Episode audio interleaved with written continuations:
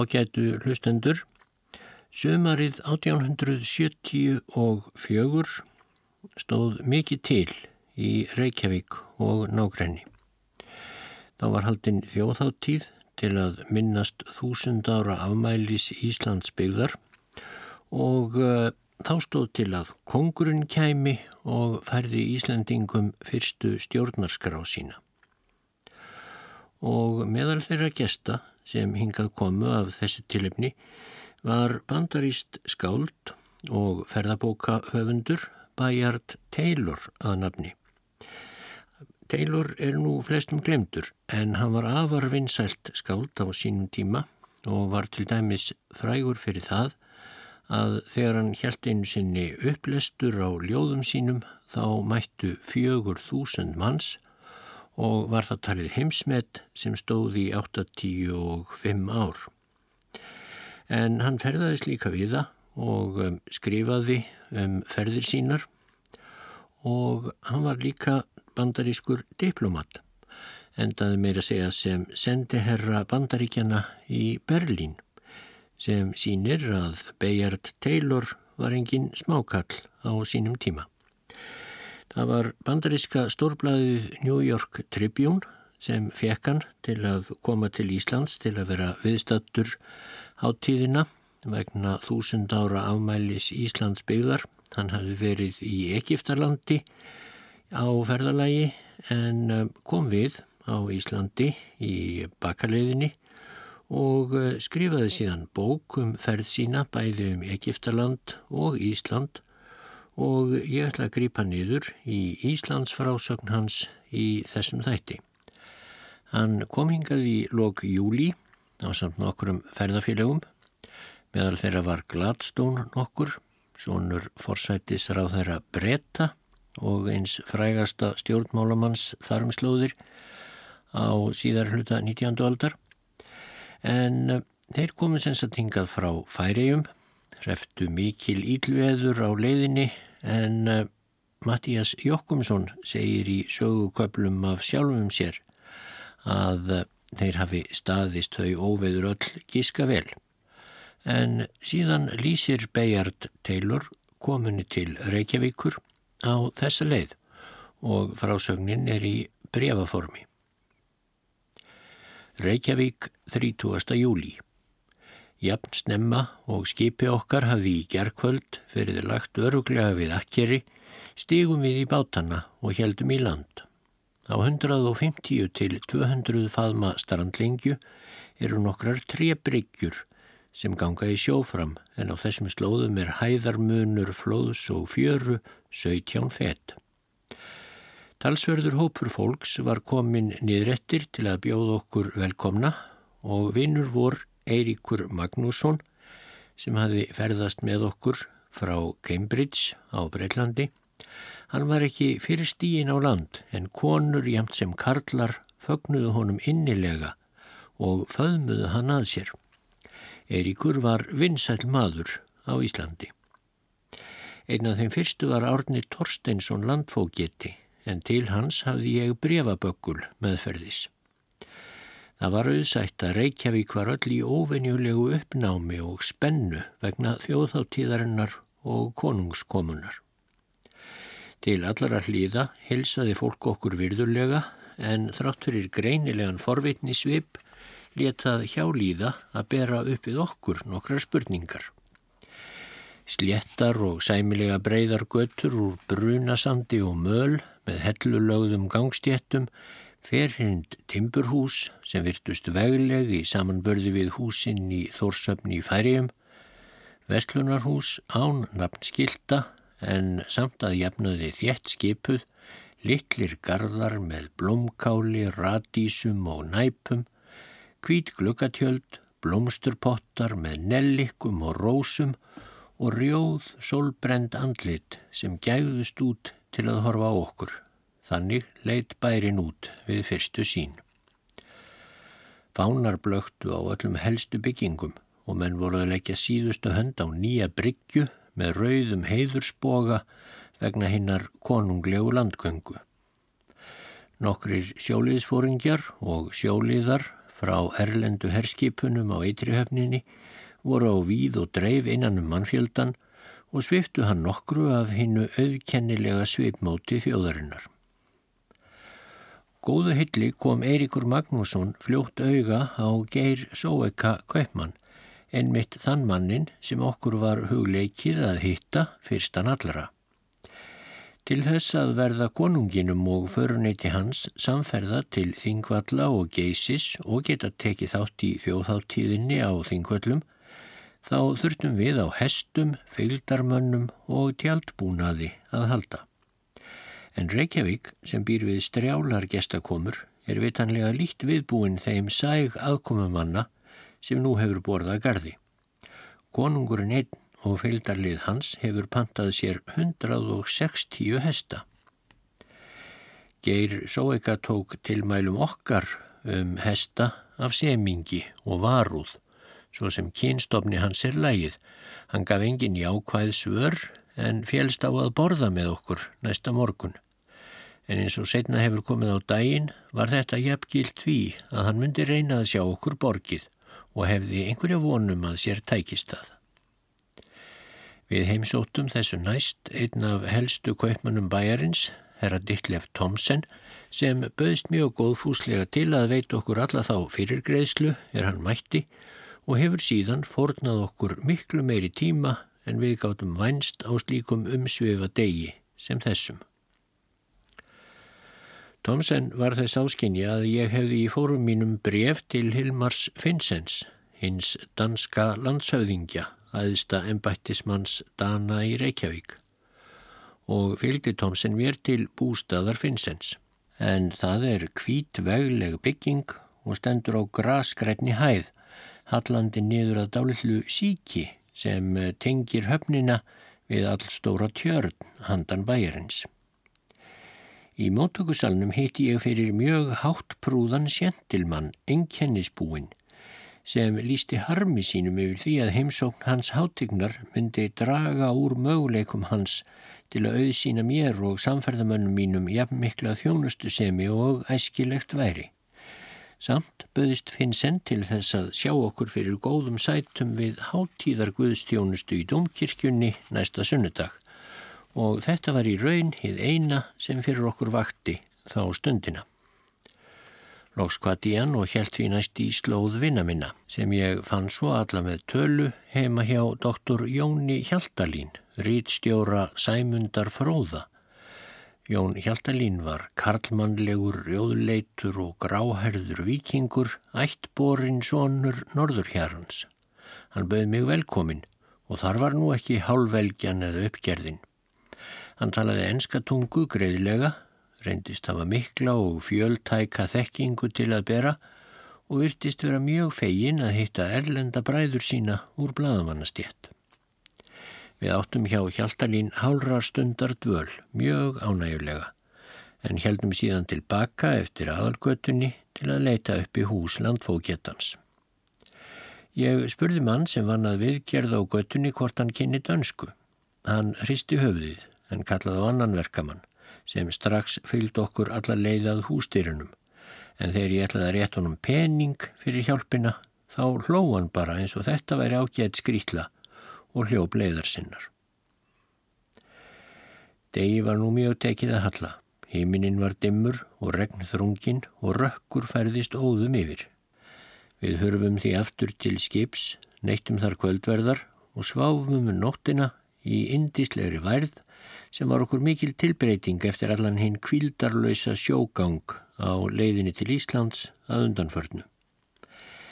Í morgun var enn talsverð góla Dimm skí hengu látt á öllum hæðum, skúraleiðingar voru yfir höfninni og hitamælirinn fór ekki langt yfir frostmarka.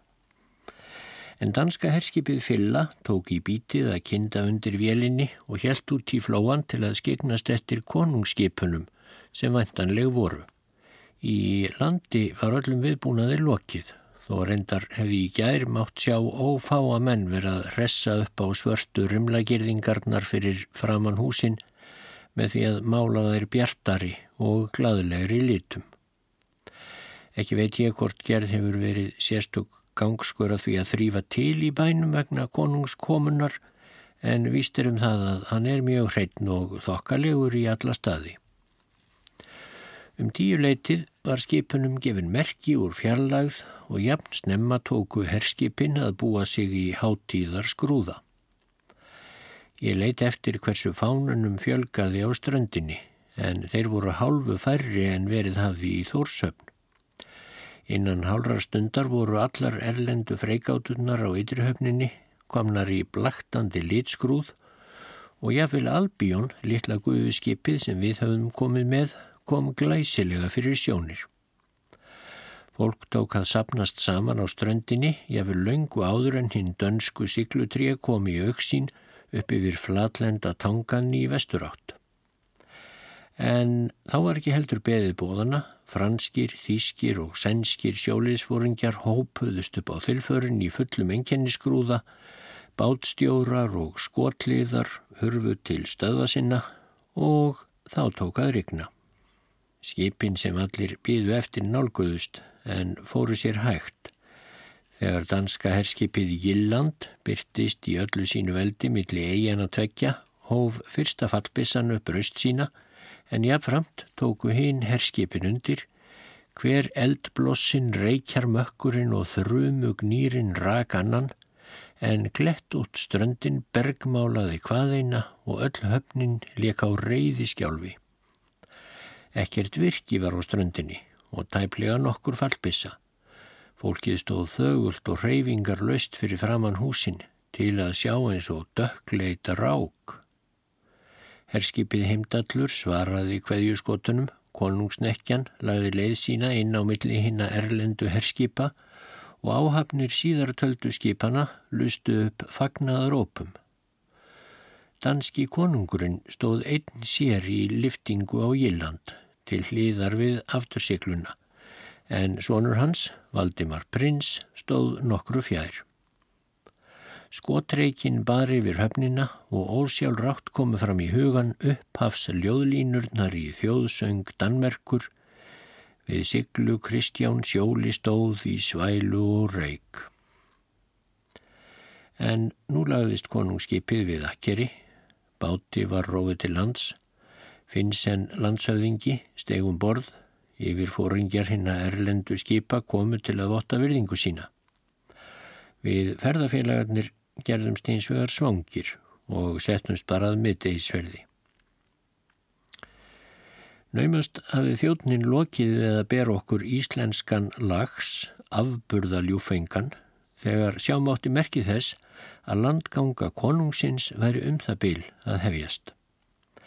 Í skyndingu voru bátarnir gerðir tiltækir við spruttum upp frá borðinu og hröðuðum okkur í land en þá var hans hátegn strax komin áleiðis. Konungsbáturinn og bátarnir okkar tveir voru sem næst samhliða. Sá var munurinn að fyrrnemdi báturinn var áttæringur en við höfðum einungis þremur árum á að skipa á korum báti. Ekki sá ég aðra smá báta og ferli í höfninni. Það var að sjá sem allir menn væru í landi. Danski fánin á aðra hlið og fánar bandaríkjana og Breitlands hinsvegar virtust þreita æðiskengna keppni. Hinnir íslensku áhorvendur munu áraðanlega hafa skemmt sér dyrlega við þetta. Ef þeir hefði ekki, eins og að líkindum lætur, verið í allt og mikill spennu til að veita því aðtikli. Sjómennindir okkar stóðu sig príðilega en það óspart kvattir með orðum og áheitum og nákvæmlega í sömu andrá og konungurinn steg fæti sínum á skarlats rauða landgöngu klæðið þá undum við okkur upp á næstu bryggju. Einn formlega móttaka af hálfu íslenskra yfirvalda og þjóðarfulltrúa virtist nánast vera enga eðlis. Konungsbryggjunni hallaði niður að dálum heiðurspalli millir tvöfaldra raðar af dönskum fánum og grænum blómafléttum. Höfðingjarnir stóða á þessum palli og korki ávörp þeirra er buðu hinn að konunglegu gesti velkomna, nýja svörin við þessum ávörpum voru heyranleg þó ekki væri nema í þrjá tíu feta fjarlagð. Fámennur hópur fólks sem hafði sapnast saman niðri við flæðarmálið hafði uppi nokkur fagnaðaróp, jáfnvel af sæmilegum innileik stundum, en allur þorri almennings, eitthvað 2000 manns, var þögull sem gröfin meðan aðtöfnin fór fram, en það hafði enginn heyrt neitt af því sem fram fór. Innan tíu mínútna var allt um gard gengið. Landshöfðingin gekk upp bryggjuna en konungurinn og Valdimar prins hið næsta á eftir honum. Báðir genguðir hratt en voru mjög gladlegir og vingjartlegir á sveip. Þeim var tekið með fagnaðrópum sem sínilega voru uppgerðarlaus og einlæg þó þau væru korki hávær nýja heldur almenn. Fólkið virtist satt að segja ekki vant að láta hugsin þannig í ljósi. Ég tók raunar eftir því að ýmsir löku upp munni um leiðuðir tóku ofan hattana, voru ég vel farnir að tæpa á hurrarópum en gáðust svo upp við allt saman af tomri femni og lokuðu munninum aftur. Á eftirföruniti konungsins komu aðistu embættismenn biskupin í flaugjels og silkisgrúða með dreifkvítan fellingakraga og pípuhatt, domkirkjupresturinn og loks meðlimir hinnar innlendu háttíðarnemdar. Hinn í síðartöldu voru hraustlegir menn og útiteknir, líkir sveitabændum og báru kvíta hanska sem stungu nokkuð í stúfið hinnar þungu og brúnleitu yfirhafnir þeirra. Alls voru þetta um 40 manns hófst nú ganga þeirra allra upp að húsi landsöðingjans, en mannfjöldin fylgdi fast á eftir þögull. Nokkrir úr hópnum stittu sér leið með því að hlaupa beint inn með ströndinni og voru komnir á litla torkið fyrir framann bústæðin áður en konungin barað. Þar heilsuðir öðru sinni hans hátign og meira segja með áköfustu fagnarlátum núna þeim áköfustu sem umgat þennan dag. Dyrnar á húsi landsauðingjans opnuðust og landsauðingja frúin, frú Finnsen, kom út á trappurnar, klætt óbrotnum svörtum silkikjól á nokkurs skrauts eða skartgreipa. Hún gekk nýður steinþreppin að fyrstu gardflötinni, gerði stundvíslega knjebeyingu fyrir konunginum og aðra en þó ekki jafn djúpa fyrir prinsinum og fylgdi þeim síðan að dýrunum. Í frásögn virðist þetta óskup einfalt mál hjá mér en ekki veit ég margar konur sem myndu hafa rægt þetta hlutverk af jafn aðdánarverðum þokka, háttvísi og sjálfstillingu eins og landshauðingja frú Finnsen. Öll Reykjavík horfi á Einmitt í þessari andrá úthelti sólinn gislaflóði sínu, rétt eins og hún vildi fyrir alla munni bregða ljóma yfir þetta litla atvik og þar með var lokið fyrstu landgöngu dansks konungs á Íslandi. Biskupin, móttökunemnd og ennbættismenn býðu neðst í gardinum. Uns herbergistjóðn í rauðum enkennisbúningi kom á vettvang og hurfu þeir þá einnig inn fyrir dyrnar á húsi landsöðingjans. Ég leit nú í kringum mig til að verða fyrir mér fólkið og sá mér til undrunar að konurnar tóku karlmannunum langt fram um litskrúð og fjölbreytni í klæðaburði meðal Íslendinga. Margar þeirra voru í nærskornum upplut í einhverjum dökkum lit, hafðu yfir sér eins konar kápu sem fjallað mittinu í mörgum fellingum og skörtuðu ljós bláum eða rauðum svöndum. Nær undantekningar löst báru íslensku konurnar á höfðinu flata húfu eða allu heldur kringlóta pjöttlu einskonar úr svörtu klæði með laungum svörtum skúf til annarar hliðar. En efst á skúpnum var holkur ímist úr silfri eða gullhúðaður og einn eða tveir þumlungar á lengt. Þessir holkar eru af nákvæmlega sömu gerð og hvern þjóðin í Kæró í Egiptalandi ber yfir nefinu til þess að halda andlitsblæjunni í réttum skorðum. Sumar af stúlkunum hér á Íslandi gengum með fléttað hár en margar letuð að falla löst niður og einni ung mei tók ég eftir sem hafði slíka ofurgnægð af föl gullnu hári að Brynhildur úr þjóðsögunum hefði velmátt vera ættmóður hennar. Karlmennir flíkuðu hins vegar einungis tvennum litum, móbrúnum lit á yfirhöfnum og buksum og ljósrauðum hörundsblæ á andliti. Fáir þeirra geta talist fríðir sínum og andlitsvipur þeirra var alvarlegur og let fátt uppskátt. Aftur móti vekja íslensku karlmennir óskorað trúnaður tröst með hinnum einfalda styrkleika sem lýsir sér í bláum staðfestulegum augum og fastmótuðum munnsveip þeirra. Á göttunum var fjöldin allur af hestum, gráum og skjóttum með fags svipað ljónsmakka.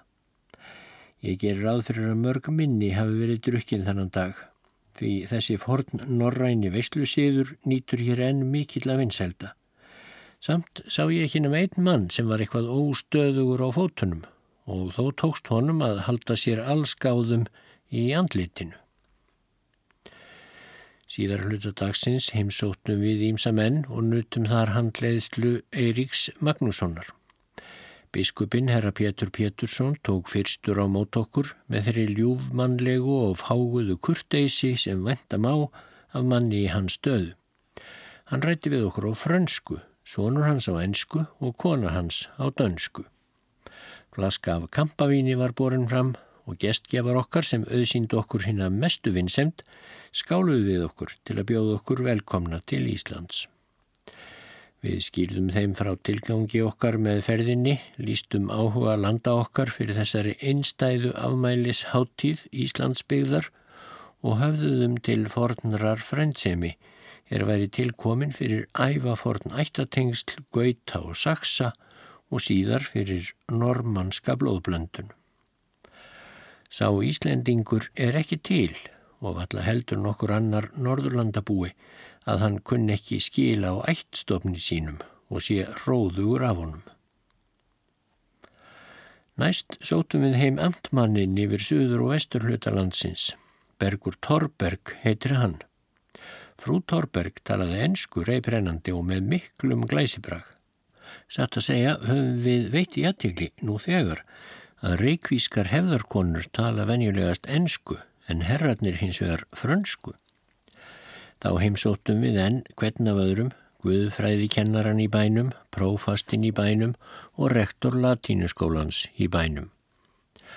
Rektorinn hafði hirtið sketið að framfæri í Ameríku söpnun bóka handa Íslandi engum fyrir frumkvæði professors Villard Fiske við Cornell háskóla en hann kvartaði undan því að ekkert hefði enn borist af þessari vantanlegu bókagjöf nema einn kassi frá Smithsonian Institute.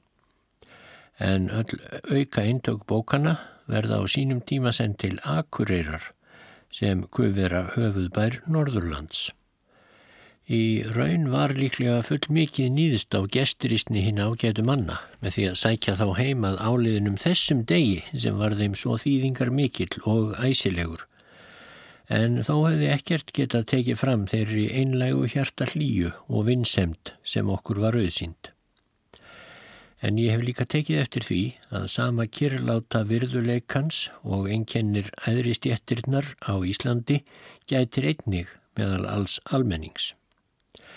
Þetta hlýtur að vera einni ríkasti eðliskostur hins gottneska kynstofns því hann segir til sín í sömu mynda á spáni og í einstökum héröðum svíþjóðar. Slíkir menn taka sín laun og þjóna okkur af trúmennsku en látum okkur aldrei gleymast að umgangast á eins og jafningja. Þau áhrif sem ég hef strax við fyrstu kynni orðið fyrir af Íslendingum eru mér frábærlega geðfeld. Það er sannfæring mín að mér muni reynast auðvelt að samlagast lífsháttum fólksins hér og ég er jafnvis um það að þegar ég er búin að tilenga mér þá eða hef að minnstakosti lært að virða þá, þá mun ég einungis hitta vini fyrir hvar sem er á landinu. Um Reykjavík er það að segja að hún er víðsfjari því að vera sá dimmi, óþrývalegi og döynilli bær sem vissir ferðamenn, bæði enskir og þískir, hafa verið að lýsa í bókum að undanförnu. Þvert á móti, götturnar eru breyðar og reynlegar. Húsinn eru með afbreyðum hlíleg og viðkunnanleg. Grasið er græna en nokkur staðar annar staðar, fjörða og fjallarhingurinn vægassagt stórfenglegur og það er einungi séð algjera trjáleysi sem gefur í skín hinn að norðlægu nattstöðu landsins. Næsta bref, Reykjavík 1. ágúst. Mér er naumast und að halda áfram samfeldri lýsingu á því sem ber fyrir aug og eiru, því á þessum slóðum sem er svo afskektar og sérstæðar í eðli sínu, þá virðist allt sem gestinum mætir með einhverjum hætti forvittnislegt. Manni verður á að ofan á blóm og þá er þetta máski heimskautaplanta sem hvergi þekkist annar staðar. Ef fuggl flýgur rétt upp yfir höfðumanns þá er það sennilega æðarfuggl og heyri maður dreng mæla á förnum vegi þá myndi vísast meg að finna í ræðu hans þau orð sem Sæmundur Fróði og Snorri Sturluson hafa gert veksamleg af ettum sínum. Einangrun, sérþroskun, drottnun frumstæðra eiginleika sem hafa dáið út annar staðar gera Ísland að sérgrindur rannsóknar efni. Svo til ekkert af því sem ég hef áður kynst á ferðum mínum, ekki einu sinn í Svíþjóð og Norri, gefur skýringu á því lífi sem hér á sér stað. Þessi eiga í miðjum norðurhöfum, staðsett milli tveggja heimsálfa, heyrir í raun hvoraugri til. En hinn einfaldasti frásagnarháttur fer sönnunæst þegar öllur á botnin kvólt og þess vegna veit ég ekki heldur aðra aðferð hagkvæmri en að rekja atbyrði og áhrif þessar daga í nákvæmri tímaröð. Dagurinn í dag færð okkur til dæmis reynslu af ólíkri tegund og með því að ekki verður um neyn ofinber háttíð að hölda að ræða fyrir ná sunnudaginn kemur, þá látum við berast þægilega með ströymi aðstæðjandi tilviljana á þess að gera nokkra ráðstafanir fyrirfram. Í gerðmorgun heldum við okkur niðri við ströndina. Sjómenn fylgtu vaskjér okkar við bæjarvasspostin, sömur af samferðamannunum keftu sér æðardún eða ljósmyndir, aðrir fóru í nýjar kurteisis heimsóknir. Háling skipstjóri ætlaði að afla sér grjóts til kjölfestu í eigu þeirri sem næstleikur höfninni, en honum varð æði byllt við þegar landeigandin harð bannaðunum að hafa á brott með sér nokkra agnarögn af þessari eldrunnu fastegn sinni. Hann bar því við að eigin gengi saman ef slíku færi fram og sægi þá æðarfuglinum fyrir æminna svigrúmi. Þessir fornfúsu fuglar, æðarfuglarnir, gera sér reyður svo að segja við bæjardir Reykjavíkur. Þeir njóta lagaverndar og virðast alls óhrættir við mennina. Ég heimsótti ræðismann frakka og domstjóra yfirréttarins og eins og hvarvetna annar staðar átti ég þar að mæta vitsmunum, fágaðri framkomu og ástúðlegri gesturistni. Ungu dömurnar mæltu á enska og franska tungu alveg reybrennandi.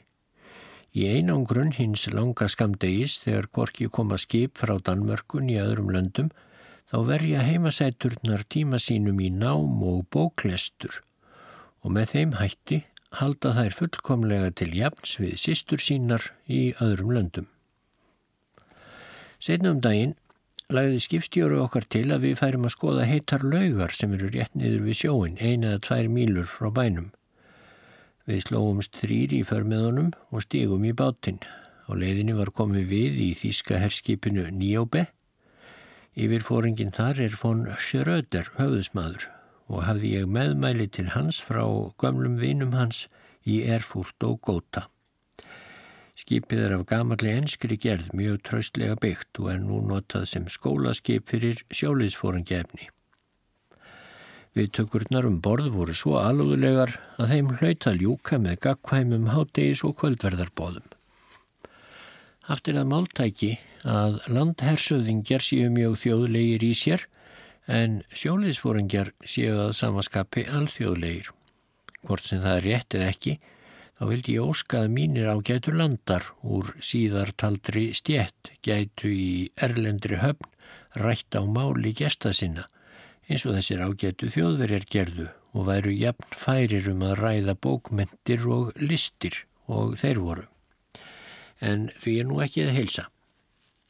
En hvaðum það, við íttum loks frá, dróum upp segl og fórum hraðbýri fram með ströndinni en þar áttum við von á að finna lítinn læk sem á upptök sín í laugunum.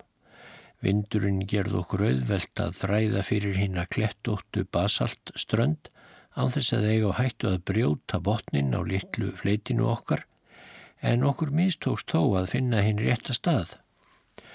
Þarna var tvekja hæða steinhús á breyðum höfða, nokkur drengir á hestbakki komið með miklum hraða niður græna brekkuna bak við húsið og hópur barna í lítilli vík virtist fylgjast með hverri reyfingu okkar af mikilli aðtikli. Við komumst að raunum það ofsengt að þarna var einmitt verið að vísa okkur á laugarnar sem við vorum að leita að. En nú hefðum við það eitt upp úr krafsinu að við sáum gríðarstóran sel, hann hlaut að vera tólfeta langur hiðið minsta, sem öðru hverju stakk upp gríðarstóru og heldur ógáfurlegu höfði aftan við okkur. Báturinn hafði nú hossað okkur á úpnum bylgjum í nærfelt tvær stundir og við snýrum þess vegna allsugar feignir heim frá þessum heitu uppsprettum sem Reykjavík er sögð draga nafn sitt af. Í dag höfum við haldið áfram heimsóknum okkar. Það eru alltaf skemmtilegar en hins vegar svipar þeim öllum svo mjög saman um samkvæmisvenjur, hjartanlega gesturísni fólksins og jafnvel um húsbúnað á heimilinum að það naumast nokkur þörf á að lýsa þeim hverri af annari. Veglegustu hús Reykjavíkur eru öll mjög lík að byggingarstíl og innri skipan. Venjulega eru komið fyrst í lítið andir eða forsal sem er þó ekki stærri en svo að rétt er hægt að fara þar úr yfirhöfninni. En þá tekur við skrifstofa eða viðtalsherbergi í húsráðanda allt eftir stöðu hans og þar fyrir innan kemur loks setustofan þar sem frúin tekur á móti gestum sínum Kvít glukkatjöld, blómapottar í glukkakistunum, teppi á golfum, sófi, borði í miðjuherbergi með bókum og ljósmyndum og myndir á vekkjunum. Allt eru það hlutir sem eru óaðskiljanlegir þessum íslensku salarkinnum. En þó að látt sér undir loft í stofunum og þrátt fyrir frumstæða byggingarhætti, þá er það allt með heldur gláðurlegum blæ, bjart og vislegt.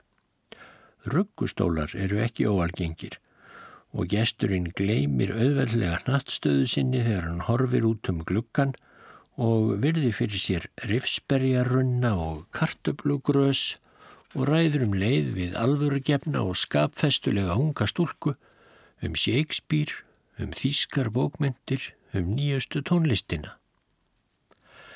Allur almenningur, ef leifilegt er að nota orðið almenningur um annað eins fólk, er mér enþá ráðgáta. Hverki hef ég séð andlit manna jafn stóísk og svipurigða laus. Nefn að vera skildi meðal einstakra indjána ættbálka í heimalandi mínu. Þetta íslenska fólk horfir á okkur á forvitni sem er djúbstæð en aldrei nærgöngul og reyni ég samt að nálgastað með því að tala við að dönsku þá ferðað svo hjá sér að það hyrðir ekki einu sinnum að leina því. Karlmennir eru yfirleitt fyrir mjög lágir vexti að meðalhæð ekki yfir 5 fett og 6 þumlunga, rauðleitir í framann og hörundið grófgjert.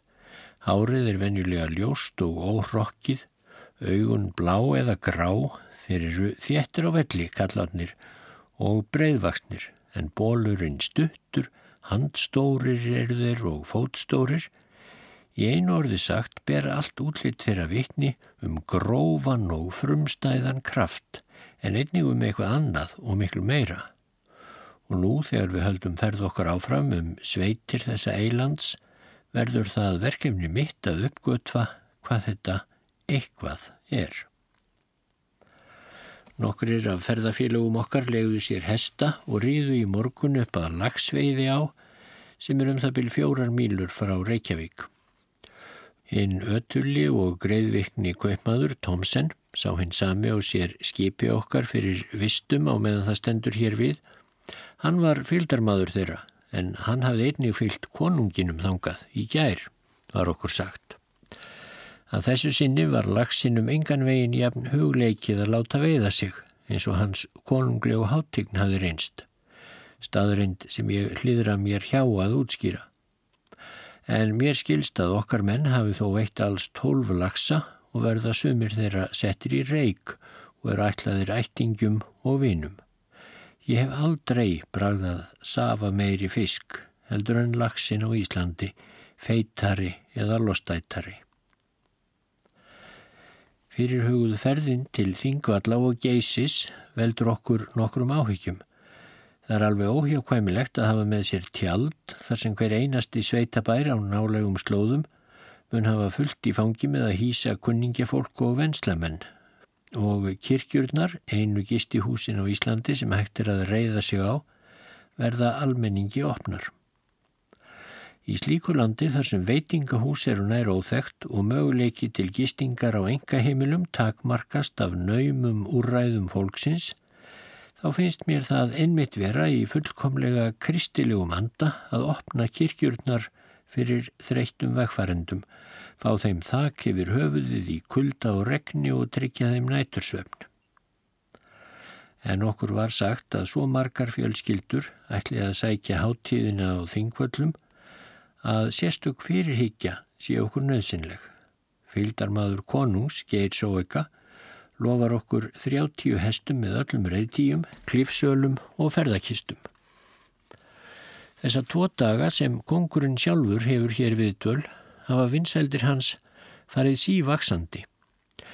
Andlit konungs er djarfmannlegt, sveipfrítt og aðlaðandi. Fólki finnst auðvelt, segir það, að koma sér á framfæri við hann og áhugi hans á öllum málefnum þess er sínilega engin uppgerð. Í dag heimsótti hann Bjarnar Torsteinsson, föður landfókjettans, sem er 94 ára gammal og hefur verið blindur um langt skeið.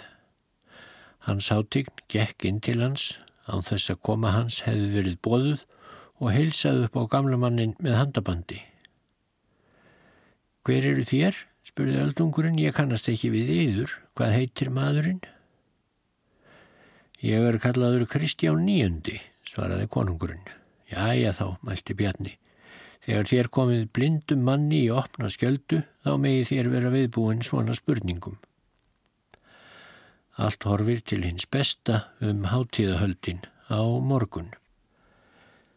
Reykjavík, sunnudagskvöld, annar ágúst. Fyrir dagurinn af þeim teimur sem helgaðir eru minningarháttíðinni um þúsund ára afmæli Íslandsbyggðar, hann rann upp, heiðríkur og skínandi fagur. Fyrir dögun kom snarpur norðanvindur og hafði á brott með sér hvern snefil af mistri eða skíaflókum, snæfellsjökull skein eins og ópall yfir flóan og um áttaleiti þegar fallbissa og konungsfreikátunni gafu merki, þá flugu fánað hún og flögg og fánaveifur tindruðu í dýrðlegu litskrúði frá siglutoppum til sjávarborðs, svo það var í raun stórfengleg sjón. Á landi mátti sjá mannaferðir og viðbúnað og hér og þar á hæðunum lengst í burtu gata líta depplóta rákir á reyfingu sem gáði til kynna að sveita fólkið ætlaði ekki að láta á sér standa. Á dagskráni er minningar Guðstjónusta í domkirkjunni, veistla í salarkinnum latínuskólans og loks almenn skemmti samkoma á öskjulíð sem er eina mílu frá bænum. Þetta síðasta dagskrár atriði veriðist gefa álitlegustu fyrirheitin því að afloknum söng og ræðuhöldum á að koma almennur dans og flugeldar miklir. Nýja stjórnarskráin sem tók gildi í gær hefur ekki verið byrt með neittni sérstakri viðhöfn. Eintök af henni höfðu áður borist til Íslands, allur almenningur, kunni förðu góð skil á því sem í henni stóð og var að sögn viðbúin að takk henni sæmilega fegins hugar sem upphafi að frekari stjórnarbótum. Háttíðuhöldin sem hér fóru fram í dag og þau sem ráðgir eru á þingvöllum á föstdægin kemur eru þess vegna fremur sögulegs eðlis en stjórnmálulegs. Við fórum í land úr skipi okkar klukkan hálf tíu og sáum þá strax fólk streyma til domkirkjunar.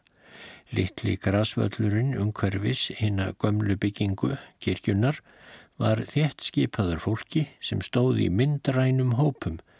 Tjörnin að sunnanverðu við bæin glitraði í solskininu og fjallið keilir svaf heiminn gnæfur í blári fjarlagð. Þarna gafst mér loksins tækifæri til að sjá hérna ósviknu íslensku þjóðbúninga og þeir eru vissulega bæði frumlegir og hafa yfir sér mikinn þokka. Konurnar báru kvíta hjálma með einkennilegu sniði. Hjálm hirtnan gekk framann til í bogalínu, sex þumlunga upp yfir höfðinu. Hjálmgjörðin ríkulega gullsaumuð en efst kvít slæða sem flóði niður um herðar kvennanna. Þær báru einnig nærskorna treyu úr dökku klæði með þungri gull eða silfur baldýringu og breytt belti með víravirki úr silfri. Af karlmönnunum sá ég ekki nema eitthvað um sex talsins í hennum gömlu þjóðbúningum en það er stutt treya og kniebugsur úr dökkrá og heimaofnu klæði sokkar í samalit, selskinskór og kringlóttur hattur með uppbrettum börðum. Eina skreitingin á búningum kallmannana er sokkabandur rauðu silki neðan til við njöð. Konungurinn var á samt föruneyti sínu nýkominn til kirkjunar þegar við gengum þar inn og erlendu sjóliðsfóringjarnir sem boðinir voru til Guðstjónustunnar þyrptust á samt heimamönnum innum láreistu boga dyrnar. Sjálf Guðstjónustugerðin var í raun nákvæm endurtekning á því sem við höfum áður séð í Þórsöfni í Færium nema hvað hér var allt flutt á íslensku. Háttíðar lögin voru í mjög einföldum stíl og fagurlega sungin. Það var ekki síst lofsöngur Mattíasar Jokkumssonar undir lægi Sveinbjarnar Sveinbjörnssonar fyrsta innlenda tónskáldsins að mér er sagt sem hafði afar sterk áhrif. Í hvaða átt sem ég horfi sá ég þá augu full af tárum, endurtekning viðlagsins, Íslands þúsund ár, Íslands þúsund ár, hljómaðu um alla domkirkjuna í tónum sem voru hátilegir fremur en stórlátir og tólkuðu fullkomlega þá trúarlegu alvörugefni sem ríkti í hug og hjarta fólksins. Samkvæmt dagskráni átti hinn almenna skemmti samkoma að hefjast með skrúðgöngu frá Dómkirkju torkinu klukkan hálf fjögur eftir messuna. Mikil þorri manna flýtti sér samt burt fyrir þann tíma eins og hann kemi sér ekki til þess að taka þátti í svo formlegri aðtöfn en nokkuða fólki hingraði en við og beigði í smá hópum eftir því að einhver sem forgöngu hefði leti til sín heyra en aldrei varða því. Vist er það að klukkan var langt gengin fjögur þegar við félagar þrýr fórum til konungsveislunar og þá voru ekki sjáanlega neyn merki þess að skrúðganga myndi eiga sér stað. Í latínuskólabyggingunni tók þjóttn í rauðum enginnisfrakka við höttum okkar og yfirhöfnum og fylgdi okkur til byðherbergis á efri hæð. Fjöldi aðkomumanna neytti gefins leifis til að skoða sig um í húsinu. Þeir þrömmuðu upp og niður stigana, kíktu inn í borðsalina, virtu þar fyrir sér hljómsveitarmennina og hljóðfæri þeirra og svöluðu að öðru leiti forvitni sinni eftir því sem tök voru á. Allt þetta lítur að hafa verið alveg dæmalauðs sjón mörgum hinn að íslensku alþýðumanna. Hinn konunglegu matbúr sem komið var fyrir í kennslustofunum virtust umfram allt, dragað sér aðtegli Íslendinga og jafnvel tómir diskarnir vöktu áhuga þeirra.